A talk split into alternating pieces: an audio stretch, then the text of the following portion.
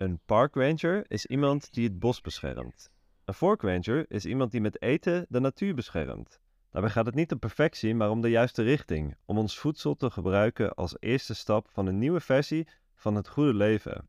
Mijn naam is Frank Holleman en sinds ik in 2019 Fork Ranger heb opgericht, ben ik op zoek naar dit goede leven. Samen met mijn compagnon Marijke helpen we mensen om duurzamer te eten door de wetenschap te vertalen naar behapbare infographics en makkelijke recepten. Maar in deze podcast wil ik leren van andere Fork Rangers. Mensen die op hun eigen manier de wereld een stukje beter maken met hun eten. Welkom bij het leven van een Fork Ranger.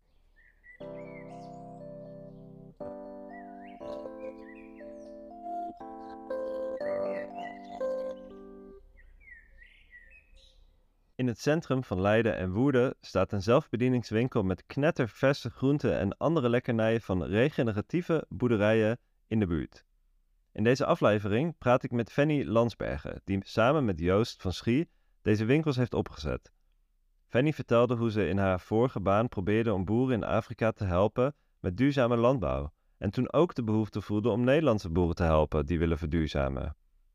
We hebben het gehad over haar passie voor een eerlijke prijs voor eten, haar frustratie met supermarkten en hoe super lekker groente eruit ziet en smaakt als je het ochtends oogst en het diezelfde middag al in de winkel ligt. Nou, Fanny, welkom. Uh, jij uh, hebt samen met uh, boer Joost de winkel Oogst opgericht, waar mensen in Leiden boodschappen kunnen kopen van natuur inclusieve landbouw. En voordat we het hebben over de winkel, ben ik benieuwd wat je weg hier naartoe was. want je, ik zag op LinkedIn dat je bedrijfskunde hebt gestudeerd aan de Erasmus Universiteit. dat ja. heb ik zelf ook gestudeerd, dat is leuk. Wel iets later dan jij, volgens mij. En... Hoeft er toch niet bij. en uh, toen heb je verschillende uh, dingen gedaan, uh, maar volgens mij altijd wel rondom start-ups en ondernemen, als ik het goed zag.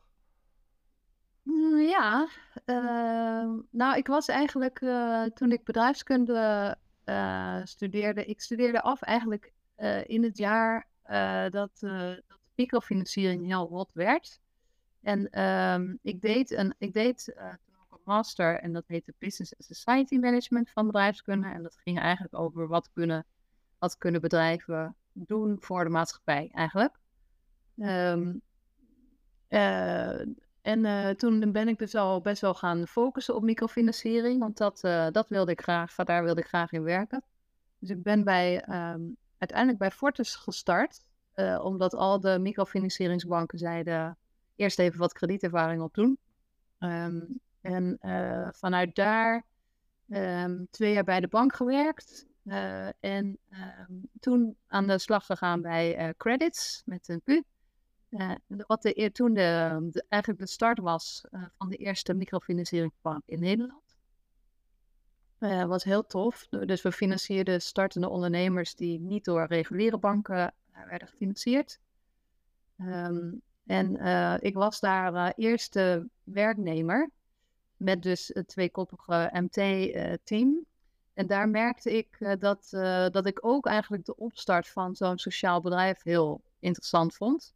Dus hoe kunnen we de impact maken die we willen maken, maar ook hoe maken we het een solide business case. Ehm, en dus na een paar jaar dacht ik, ah, oh, dat wil ik eigenlijk meer doen. En toen ben ik bij uh, Enview gestart. En Enview is een bedrijf waar ze ja, sociale of uh, impactbedrijven bouwen. Op een paar plekken in Nederland, maar ook in, uh, in Afrika, India en Indonesië. En ik heb, ik heb er tien jaar gewerkt, eigenlijk met name gericht op Afrika. En de laatste drie jaar um, veel in Kenia gewerkt in de voedselketen. Eigenlijk met als missie hadden we daar om uh, de voedselreductie of het voedselverlies in de keten te reduceren. Um, vooral gericht op de groente- en fruitketen, want daar gaat 50% van het voedsel verloren voordat het op de markt komt. Um, en um, ja, daar uh, verzonnen we en testen we en bouwden we vervolgens bedrijfsoplossingen om dat probleem te tackelen. Vaak zijn het natuurlijk grote systemische problemen waar, waar je een een aantal bedrijven eigenlijk nodig hebben. nou ja, en daar kwam ik in contact met uh, het onderwerp van regeneratieve landbouw. Um, dus nu gaan we uh, richting uh, de start van oogst. Um, en ik vond dat echt een super interessant onderwerp, omdat ik denk dat het veel van onze crisissen kan, kan oplossen waar we nu in leven. En onze vraag daar was dus ook Um, wat kunnen we doen om de boeren die willen, de transitie willen maken naar zo'n soort duurzame vorm van landbouw, hoe kunnen we die helpen en, en dat bespoedigen? En toen we dat aan het uitvogelen waren, uh, kreeg ik ook heel erg de behoefte om, uh, om, ja, om er eigenlijk daar ook mee in Nederland aan de slag te gaan, omdat ik zag dat het probleem redelijk vergelijkbaar was. In ieder geval een deel van het probleem. En, want uh, al, al die boeren in Kenia die zeiden, als jij mij goede markt geeft met een goede prijs, dan, dan ga ik wel. Uh, en uh, ik denk dat het eigenlijk het, hetzelfde hier is. dus ik ben eigenlijk langzaam mijn werk bij Enview gaan afbouwen. Het was heel fijn. Ik heb het eerst 50-50 kunnen doen. Ehm, maar uiteindelijk, zeg maar begin 2022 ben ik uh, helemaal uh, voor Oost uh, gegaan. Um, en ik kwam eigenlijk, ik, ben, ik heb eerst een paar opdrachten voor boeren in Nederland gedaan die die transitie wilden maken om te ontdekken van wat hebben zij nodig en, en wat kan ik brengen, want ik kom natuurlijk niet uit de landbouw. Ehm, en nou, bij een van die boeren kwam ik dus het model tegen van onbemande winkeltjes rondom de boerderij. En ik heb hem daar toen bij geholpen. Uh, en uh, samen met hem gebrainstormd van hoe kunnen we dit model nou voor meer boeren mogelijk maken. Zo, uh, zo is Oogst ontstaan. Ja, leuk. leuk om, om ik, ik ken Oogst nu al een tijdje, maar leuk om ook te horen waar dat vandaan komt. en was duurzaamheid altijd al iets wat je interesse had? Of ehm, ben je daar een soort van meer ingekomen? Of hoe ging dat? Uh, was, je, was dat meteen al iets na je studie waar je mee aan de slag wou? Mm, nou, wel dus, um, zeg maar, maatschappelijke problemen of zo. Maar ik ben dus eigenlijk gestart meer op sociale problemen. Niet per se duurzaamheid, nee. Dat, dat speelde denk ik toen minder. Um, in de basis is het ook gewoon zo dat ik het gewoon echt heel leuk vind om te werken aan iets ja, waarmee je echt een groot probleem oplost. Um, en duurzaamheid, uh, ik denk eigenlijk dat dat, dat, dat eigenlijk uh, pas een paar jaar terug. Uh, ik ben nu wel vijf jaar vegetarisch of zoiets. Dus ja, dus ik denk zoiets toen, toen begon het wel, begon echt het klimaat wel een zorg te worden. En, dat ontwikkelt zich dan zo langzaam in je eigen leven. Zo uh, ga je steeds een stapje verder. Dus, dus dat was, eerst startte ik met vegetarisch en toen ging ik ook kijken naar uh, ons huis en bijvoorbeeld hoe kun je, tweede, uh, wat kun je met je kleding doen. Ja, en doordat ik ook steeds meer leerde over boeren, kwam dus ook ja, ging dus ook steeds meer biologisch eten. En uh, nou ja, dus ben, we zijn ook nog uh, een tijdje, nou, ik denk twee jaar echt vegan geweest. Nou, nu ben ik weer een beetje op een andere route, maar ja, dat... ga je dat stap voor stap ontdekken. Ja, leuk. Dat zag ik ook in een, in een, in een interview volgens mij. dus daar wil ik het straks ook nog over hebben. Um, maar um, over die, uh, nou, laten we het hebben over de winkel. Uh, hoe ziet die eruit en, en hoe werkt die? Ja, we hebben er ondertussen twee, maar voor de, voor de uh, uitleg kunnen we het inderdaad bij één. Um, hoe ziet die eruit? Ja, het is denk ik, het is een, het is een buurtsuper of een hele kleine supermarkt in, in het centrum van de stad. Uh, dus eentje in Leiden en eentje in Woerden. Um, en uh, je kunt er eigenlijk alle, al je versproducten halen. Dus we hebben groente, fruit, zuivel, vlees, eieren, kaas. Um, en, en dat vullen we dan aan met droogwaar, zodat je eigenlijk ook je, je diner of ontbijt er kan krijgen. Um, en dat zijn dus allemaal producten van regeneratieve boeren uit de buurt. en um, we proberen ook met zoveel mogelijk lokale makers te werken voor nou ja, wat meer bewerkte producten. Um, het is een winkel die wordt gerund door um, een van de boeren. En dat, hij, zorgt, hij of zij zorgt ervoor dat, dat hij de producten ophaalt bij ja, on, de ongeveer twaalf boeren die leveren aan de winkel. zodat er altijd lekkere, verse, volle producten liggen. Um, en um, het is een model waarin we werken zonder personeel. Um, dus we hebben een uh, app gebouwd waarmee je als klant de winkeldeur opent. En nou, dan doe je eigenlijk gewoon uh, je boodschappen. En dan tik je in de app aan wat je mee wil nemen. En dan kun je zo met, uh, met Ideal betalen. Ja, leuk. En ja. ik, ik ben zelf helaas nog niet geweest, maar dat ben ik wel van plan. en, leuk. En, um, want hoe zit het dan met de prijs van de producten? Um, is, hoe, soort van, hoe, hoe verhoudt zich dat tot andere supermarkten? En um, jullie hebben geen personeel, dus daarmee bespaar je ook weer kosten. En hoe, hoe werkt het dan voor die boeren? Of, of waarom is het dan voor die boeren ook zo uh, aantrekkelijk of nodig? Of hoe zit, hoe zit dat precies? Ja. ja, dat is een belangrijke vraag, want dat is eigenlijk uh, ons doel. Om, uh, om de boeren een een goede prijs te geven voor de producten die ze maken. Dus um, waar, waar onze, het startpunt van onze prijs ligt, is eigenlijk dat we aan de boer vragen van wat heb je nodig om dit product te maken op, uh, op regeneratieve of uh, natuurinclusieve manier.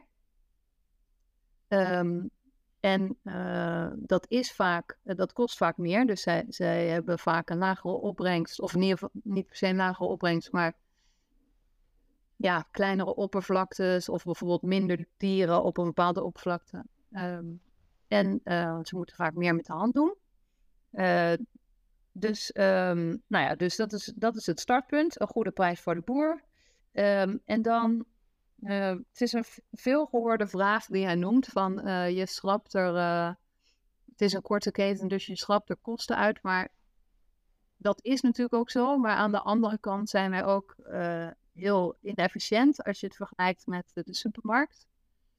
Dus ik denk eigenlijk dat de, dat de korte keten. Ja, ik weet niet of dat kosten eruit haalt, eerlijk gezegd. Ik denk niet. Um, uh, en, uh, ja, en er is eigenlijk nog een element. dus de boer um, werkt regeneratief, wat investeringen met zich meebrengt. En ze maken een ambachtelijk product.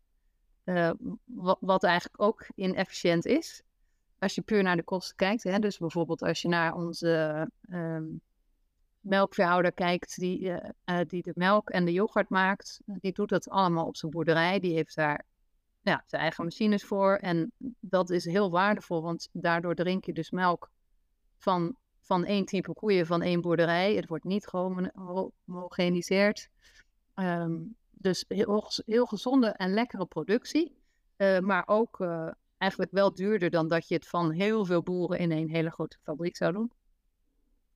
Um, ja, en uh, dat resulteert eigenlijk dus in, de, in dat de prijs in de winkel vergelijkbaar is met die van een natuurvoedingswinkel of een, of een Odin bijvoorbeeld. Nou, ik denk dat we, dat we daar iets onder liggen vaak. Maar um, het is dus het is wel duurder dan um, een supermarkt, dan biologische producten in de supermarkt. Want dat is natuurlijk ook belangrijk om te zeggen. Het zijn dus allemaal producten zijn minimaal biologisch. Ja, ja, want uh, daarop verdergaand, hoe bepalen jullie, of laten we het eerst hebben over wat betekent natuur inclusief of regeneratief? Uh, want dat is, ik, ik word daar zelf altijd super enthousiast van, van dat hele concept. Dat heeft mij ook heel veel hoop gegeven. Alleen als consument is het wel heel moeilijk om te bepalen: oké, ik ga nu regeneratieve producten kopen. Dat, dat, ja, hoe doe je dat dan? Um, nou, werken jullie natuurlijk samen met de boeren, dus krijg je veel meer inkijk uh, dan je als consument zou hebben. Maar hoe uh, doen jullie dat? En um, wat, ja, wat, wat zijn jullie eisen eigenlijk? Ja, um, ja dus regeneratieve boeren. Ik gebruik maar uh, het woord regeneratief. Dat is eigenlijk wat we gebruiken. In onze communicatie gebruiken we soms ook wel natuurinclusief, omdat we denken dat het een makkelijker woord is voor klanten. Maar ik ben eigenlijk een beetje aan het switchen naar regeneratief, want het wordt wel al meer gebruikt en anders wordt het ook weer heel onduidelijk. Dus uh, regeneratieve boeren zijn eigenlijk boeren die uh, um, producten maken met heel veel uh, zorg en aandacht voor de bodem en de biodiversiteit.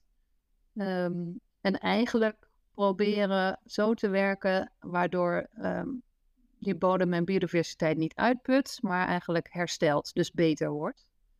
Uh, dus dat wil zeggen meer structuur, meer wormen in de bodem, waardoor het uh, beter uh, vocht kan vasthouden. Meer verschillende gewassen, meer insecten, meer dieren. Ja, precies. Eigenlijk niet, meer, meer leven gewoon. Uh, op alle vlakken. Ja, dat, uh, en want het is natuurlijk heel moeilijk om dat te, dat te meten of te bepalen. Uh, dus hoe streng zijn jullie? wie, wie, ja. wie mag er wel en niet meedoen? ja. Um, nou, kijk, wat, wat helpt is dat. dus oogst is in een franchise-concept. Dus de boer die de winkel runt, of, of de ondernemer die de winkel runt, die kent uh, alle boeren goed die, die leveren. Uh, en kan daardoor uh, goed de selectie maken.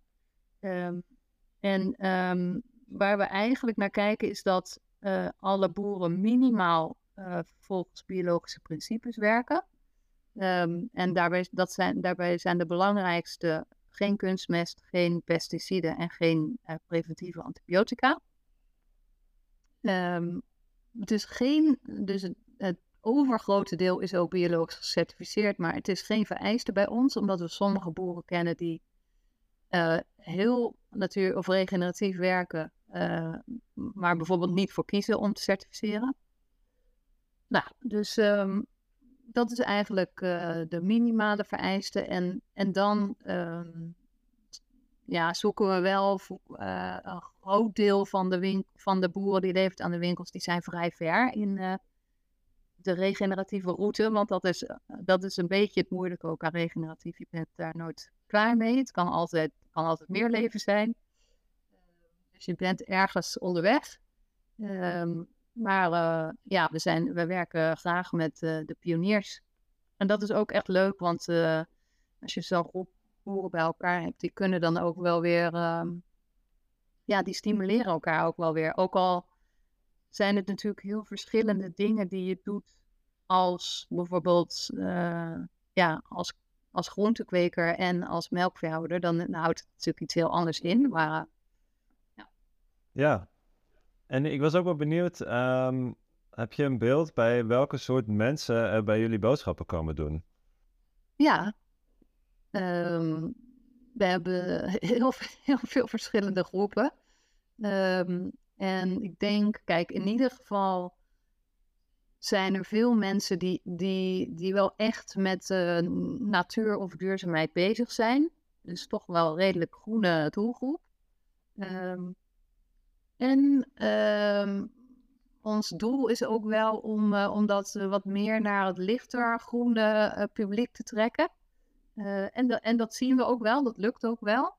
Um, omdat dat een van de belangrijkste dingen is dat, je, dat het natuurlijk gewoon moet passen in je leven als consument die eten koopt. En ja, het is uh, voor heel veel mensen uh, moet boodschappen doen passen in een best wel druk leven. Dus gemak is gewoon heel belangrijk. ja, dus we zien dat de klanten, een groot deel van de klanten echt best wel dicht bij de winkel wonen. Of in de stad zijn. Um, maar aan de andere kant trouwens, ja, hebben we ook wel echt mensen die er naartoe komen um, vanuit dorpen eromheen. En als je kijkt naar leeftijden, is het uh, is het ook best veel verschillend, zeg maar vanaf student tot, uh, tot oudere mensen. Uh, maar eerlijk gezegd is, is, is de oudere doelgroep is echt, is echt wel een belangrijke doelgroep voor ons. Ik denk die hebben toch wel wat meer binding misschien met het platteland. En en er zijn ook veel mensen die gewoon al heel lang alleen maar biologisch kopen. Uh, en dan graag de boeren steunen. Uh, en ook wat meer tijd hebben. Dat scheelt. Oh, ja. Dat is, dat is wij zijn toch een extra stop naast de supermarkt. Ja. Dus we maken het makkelijker doordat je niet alle boerderijwinkels afroeft. Maar we maken het moeilijker dan alleen maar één keer naar de supermarkt. Ja, precies. En wat is het meest verrassende inzicht over supermarkten of over die wereld van voedselverkopen, wat je hebt geleerd sinds je hiermee bezig bent? Nou ja, wat ik wel frappant vond, uh, was bijvoorbeeld dat onze akkerbouwer Chris Kempenaar, die vertelde dat um, wat al zijn collega-boeren doen, uh, die ook, uh, dit, ging, dit voorbeeld ging over kool.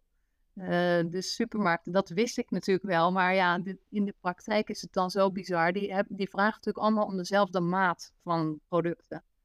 En wat, wat uh, akkerbouwers dan doen, die kooltelen, is dat ze een, machine, een speciale machine hebben die op een specifieke lengte, zeg maar, de, de stam, of zeg maar, het beginpunt afsnijdt. En dan uh, de bladeren die eigenlijk te veel zijn, eraf blazen zodat het, dus hij wordt gewoon uitgepeld totdat het precies op die maat komt. En de rest gaat dus weg. Uh, ja, dus dat vind ik uh, ja, toch wel bizar om te horen. En leuk dat wij gewoon allemaal uh, grote en kleine kolen in de ja. winkel hebben.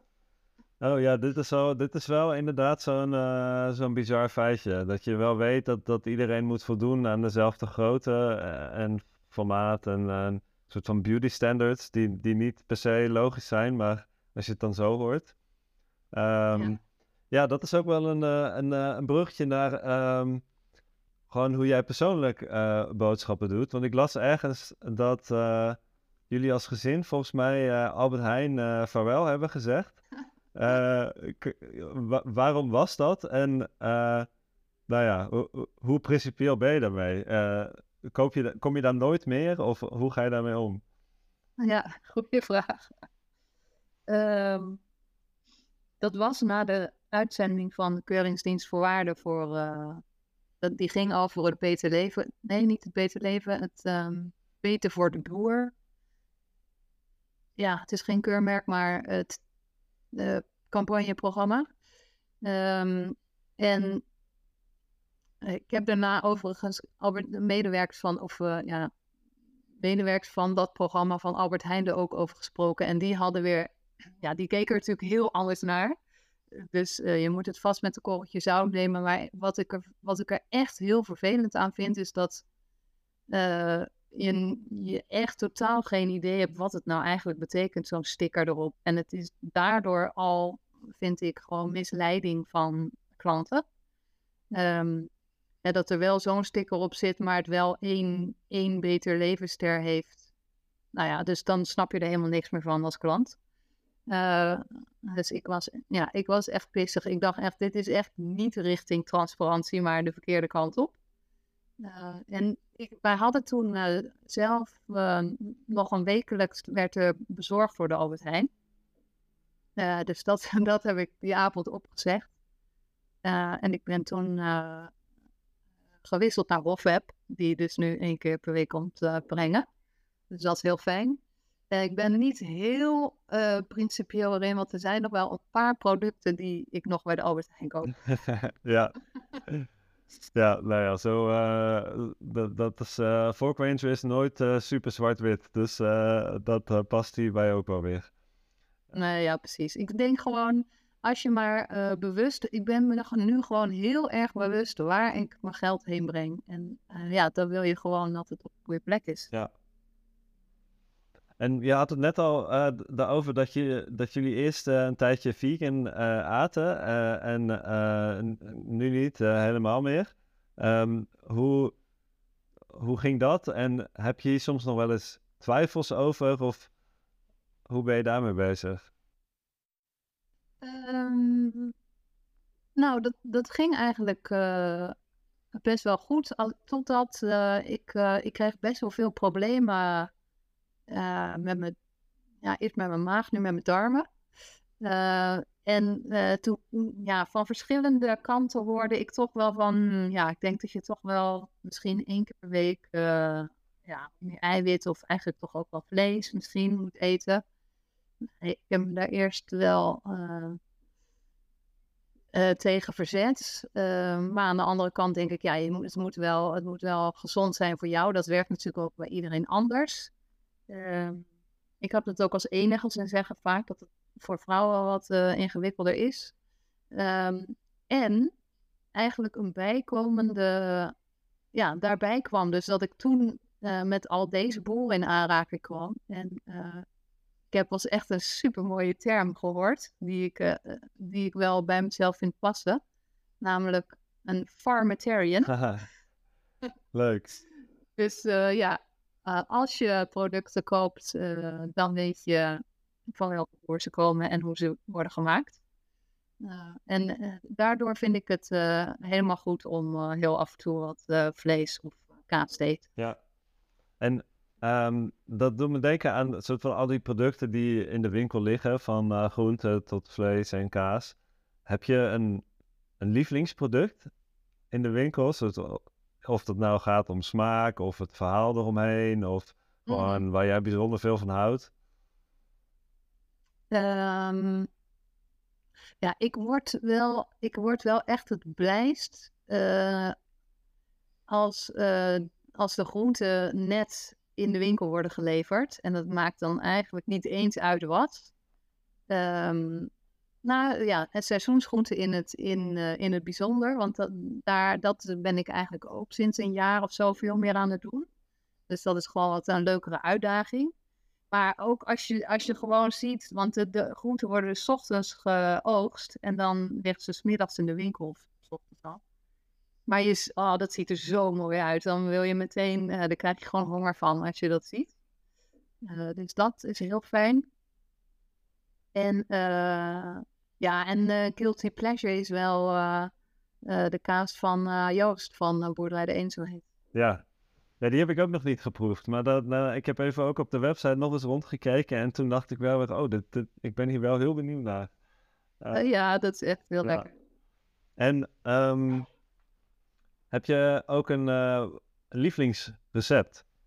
En, of een soort van een lievelingsrecept. En ik ben ook benieuwd, uh, misschien heb je heel wat forkrange recepten al langs zien komen. Of je ook een lievelingsforkrange recept hebt. Oeh. Gewetensvraag. Oh, lievelingsrecept vind ik ook moeilijk. Um, ja, ik vind de gele curry, ik denk toch wel, daar denk ik als eerst aan curry. Dat vind ik wel echt heel lekker. Ja, nee, fork ranger recept, dan moet ik even, dan moet ik even kijken welke ik ook weer gemaakt heb. Ja, dat is goed. Ja. Um, en nog even over oogst. Wat is je droom hiermee? Wil je uh, dat dit een, uh, een concurrent wordt voor, voor supermarkten? Uh, of blijft het meer een soort niche uh, buurt super? Of hoe kijken jullie daarnaar? Uh, nou, wat ik hoop is dat er gewoon heel veel van. Want eh, ik zie eigenlijk een oogstwinkel uh, als een lokaal voedselsysteem. Uh, en eigenlijk el elke franchise-nemer van oogst die wil uiteindelijk wel toegroeien naar twee of drie winkels in, in de buurt. Met dezelfde boeren dus. Dus dan wordt het echt een ja, een systeempje met een paar, uh, met zeg maar een stuk of 15 boeren en, uh, en uh, best wel veel klanten uit die, die regio, waarbij je gewoon een heel korte feedback loop hebt en, um, en mensen echt weer ja, weten hoe het geproduceerd wordt en door wie en waarom. dus dat hoop ik gewoon op heel veel plekken in Nederland te kunnen doen. Um, ja, en daarbij maakt het me dan, ja, maakt het me uit. Nou, een niche, dat klinkt niet zo lekker. Dat, dat, nou, het maakt me eigenlijk niet uit hoe wij zijn, maar ik, ik hoop wel dat uh, oogst inspireert. En of dat nou de supermarkt is of andere initiatieven. Dus ik hoop wel dat er veel meer lokale systemen ontstaan. Ja, en dat betekent dan wel dat de supermarkt kleiner wordt, Ja, ja. inderdaad. Ja, mooi. Ik hoop het ook. Eh, ik eh, moet ook maar eens op zoek gaan naar een winkel eh, bij mij in de buurt. Want dat is wel een van mijn dingen waar ik mijn boodschappen koop. Waar ik nog wel wat stappen in kan zetten. Ehm, En waar woon je ook weer? Utrecht. in Amsterdam. Oh, Amsterdam. Oh ja. Ah, dat, ja, ja. En dan willen we zeker heen. Dan krijgen we ook heel veel vragen van Amsterdammers. Uitdaging daar is misschien nog de huurprijzen. Dan heb je wel geen personeel, maar dat, eh, als je dan huurprijzen ziet, dan word je ook niet blij van. Nee, nee precies. Ehm, dan heb ik hier nog een, eh, een stapeltje kaarten met allemaal verschillende soorten vragen. En uh, Mhm. wou ik ook nog wel gewoon een paar aan, je, aan je voorleggen. Dus ik kies er gewoon twee uit en dan kun je links of rechts kiezen. Ehm, het is ook geïnspireerd door mijn favoriete podcast. Dus welke wil je? Dus je ziet nog niet welke erop staat, maar je moet gewoon kiezen. Oh, oké. Ik dacht, ik kan die lezen. Links. Oké, wat... eh, nee, wie heeft jou geïnspireerd? Eh, Johannes Regelink. Eh, dat is dus de, de boer van burgerboerderij de Pa- Patrijs. En een van de twee boeren waar ik een opdracht voor deed toen ik voor mezelf startte. En ehm, ja, het is echt een, een, eh, een fantastische ondernemer samen met eh, zijn vrouw Johanne trouwens. Dus zij hebben een, eh, hun plan was om de, bo- de boerderij van hun ooms, eh, van hun- zijn oom over te nemen en die eh, melkveehouderij naar agro-ecologisch te transformeren. Ehm, die koop is uiteindelijk niet doorgegaan, maar uiteindelijk hebben ze toch een mooie boerderij in die buurt gevonden en zijn ze dat nu aan het doen. En zij werken dus met vijf eh, winkeltjes rondom een boerderij waar ze, waar ze uiteindelijk alles, eh, alle producten willen afzetten. En ehm, ja, hij, hij is echt een ontzettende pionier. Dus eh, hij, heeft ook hele grote financiering op moeten halen voor die overname. En ja, dit model is gewoon heel ingewikkeld bij banken. Dus dat is echt al een ehm, prestatie op zich dat dat is gelukt. Daarnaast heeft hij trouwens ook nog heel veel andere financieringsbronnen natuurlijk aan moeten boren. Maar ja, die gaan, eh, eh, dus, dus hoe die onderneemt en met welk doel, eh, vind ik heel mooi. En, en ook de manier waarop, want ehm, hij probeert alles te delen van, hun, van hun learnings en hun reis. En heeft, heeft ook mij dus echt geholpen bij de opzet van Oogst om eigenlijk zijn model soort van te repliceren. Dus ja, hij heeft gewoon heel veel hart voor transitie van de landbouwsector. Ja, mooi. Ja. Nou, dan eh, de volgende. Rechts of links? Rechts dan maar, hè? Hoe houd jij de balans tussen werken en genieten? Oh, wat een moeilijke vraag, want dat vind ik echt, eh, vind ik echt moeilijk. Ehm, ik heb pas, ik heb pas eh, gelezen dat iemand zei, ja, je moet eigenlijk blokken ontspanning inplannen in je agenda. Dat doe ik niet, maar dat, zou, dat vind ik wel iets Ja, dat is wel iets wat ik, eh, wat ik eigenlijk wel eh, zou willen gaan doen. Ehm, ik denk wel dat het helpt eh, dat ik een gezin heb. Dus dat, ja, dat dwingt soort van ook in ieder geval een soort van structuur in je dag en een eind van- je werkdag, in ieder geval bij het eten. Ehm, maar ik vind het wel een, eh, ik vind het wel een uitdaging. Eh, omdat ik toch wel merk, kijk, dat had ik bij mijn werk ook eigenlijk altijd al wel, dat, je, ja, dat het druk is en dat je, dat, ik voel me verantwoordelijk en je wilt het goed doen en het kan altijd beter.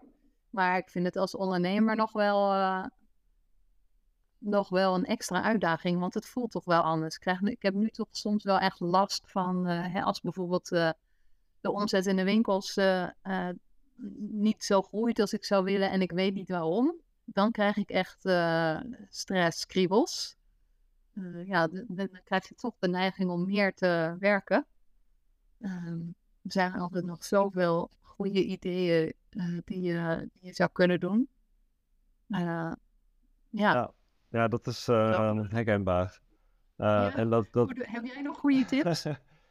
ja, nee, ik weet niet echt. Ja, wat mij heel erg heeft geholpen is een, is een boek die gewoon, ja, dat, ik, ik kan niet meer concreet zeggen. Er is niet één soort geheime tip, maar het was vooral een soort mindset switch van dat ik nu niet meer trots ben als ik lang heb gewerkt. Als ik een hele lange dag heb gemaakt, dacht ik vroeger altijd van, oh ja, echt goed.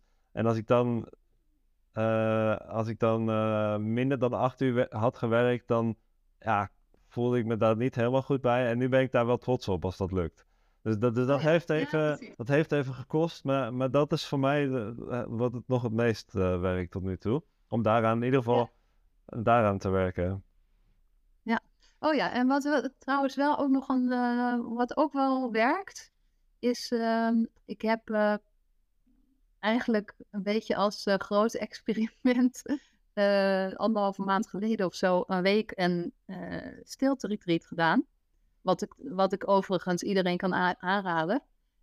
Maar daaruit, ik had eigenlijk nog nooit echt gemediteerd. En ik vond het wel echt super fijn. Dus sinds die tijd ehm, mediteer ik elke dag een kwartiertje als ik begin. Oh, Eh, en eh, ja, dan gaat dus ook vaak over ja, met, wel, met welke mindset ga ik de dag in of wat is je intentie of zoiets. En dat, dus dat helpt wel om eventjes weer te landen voordat je gewoon weer doorgaat Ja. in, in eh, je to-do ja, list. precies. Oh ja, goeie. Nou, laten we nog één vraag doen. Rechts of links? Links. Wat is het lekkerste dat je ooit hebt gegeten? Eh, het eerste wat in me opkomt is niet het lekkerste. Dat was de cuy, heet dat? Dat is eh cavia in het Peruaans. ja? Dat we kregen bij het gastgezin in Peru. Ehm, wat is het lekkerste? En, wa- waarom komt dat als eerste in je op? Ja, eh, het bijzonderste denk Ja. ik. Eh, dan moest ik wel even slikken, want die oma van het gastgezin die liet eerst even zien hoe dat, dat eh, ze had hem al onthaard. En dat zat het kavertje jaartje zo opgezet in de keuken voordat, we, voordat ze dat ging bereiden. Ja, Ja, ja, eh, gewoon dat beeld van hoe echt dat beest op je bord Ja. natuurlijk. ja, Het is ook wel grappig voor, ja, in relatie met voorbeter. Dat doet dus wel wat met ja, ja, ja. Maar, ja, en was het wel lekker? Ja, het was eigenlijk gewoon ehm, niet heel bijzonder. Het smaakte een beetje naar kip. Ja. En er zit ook helemaal niet zoveel vlees aan. Ja.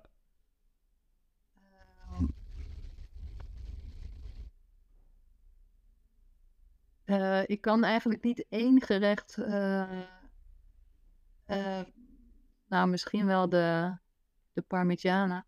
Ja, wij zijn, we zijn in, in, op sabbatical geweest in Italië. een paar jaar geleden. En ehm, ja, daar hebben we vooral in Puglia helemaal eh, in de laars echt heel lekker gegeten. En dan met name gewoon, weet je wel, de meest simpele eh, recepten zoals Italianen dat kunnen. Maar dan gewoon met goede ingrediënten en lekker vers. ja. Dat klinkt heel goed eh, en heel lekker. En zo te horen, als je bij jullie op het goede moment in de winkel staat, kun je ook zulke verse producten halen. dus Ja, alleen dan nog de Italiaanse kookkunsten erbij. Inderdaad. Nee, superleuk om, eh, om meer te horen over eh, ook eh, ja, hoe, hoe jij ermee bezig bent. En eh, ik heb nog heel veel eh, andere vragen waar we vast een andere keer nog verder over kunnen eh, kletsen. Eh, maar Leuk, ja. Als je, als je in de winkel bent, ja, toch? zeker als ik in de winkel ben. Eh, en ehm, wat zou je mensen nog mee willen geven over oogst en ehm, waar ze jullie kunnen vinden? Of ehm, wat wil je mensen nog eh, toe oproepen of meegeven?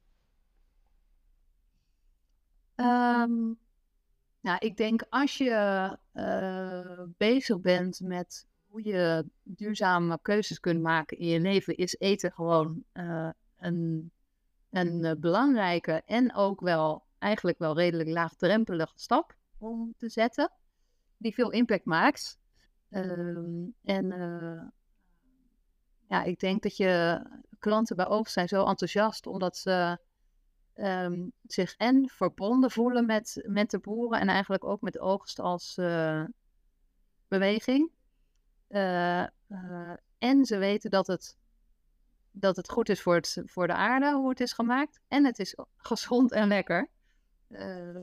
dus ja, het moet even in je systeem komen natuurlijk. Maar uh, ik denk als je, dat, als je dat eenmaal hebt ervaren, dan, dan word je er gewoon heel blij van. Ehm, en uh, ja, tot nu toe zijn dat, is dat dus een winkel op de Hoogmoord in Leiden, gerund door Boer Joost. En ehm, de tweede winkel is in maart geopend door, door Ramona in Woerden, de Rijnstraat, ook in het centrum. En ja, kom een keer langs. Ja, dat ga ik zeker doen. En hopelijk andere mensen ook. Nou, dankjewel, Ferry. Dank.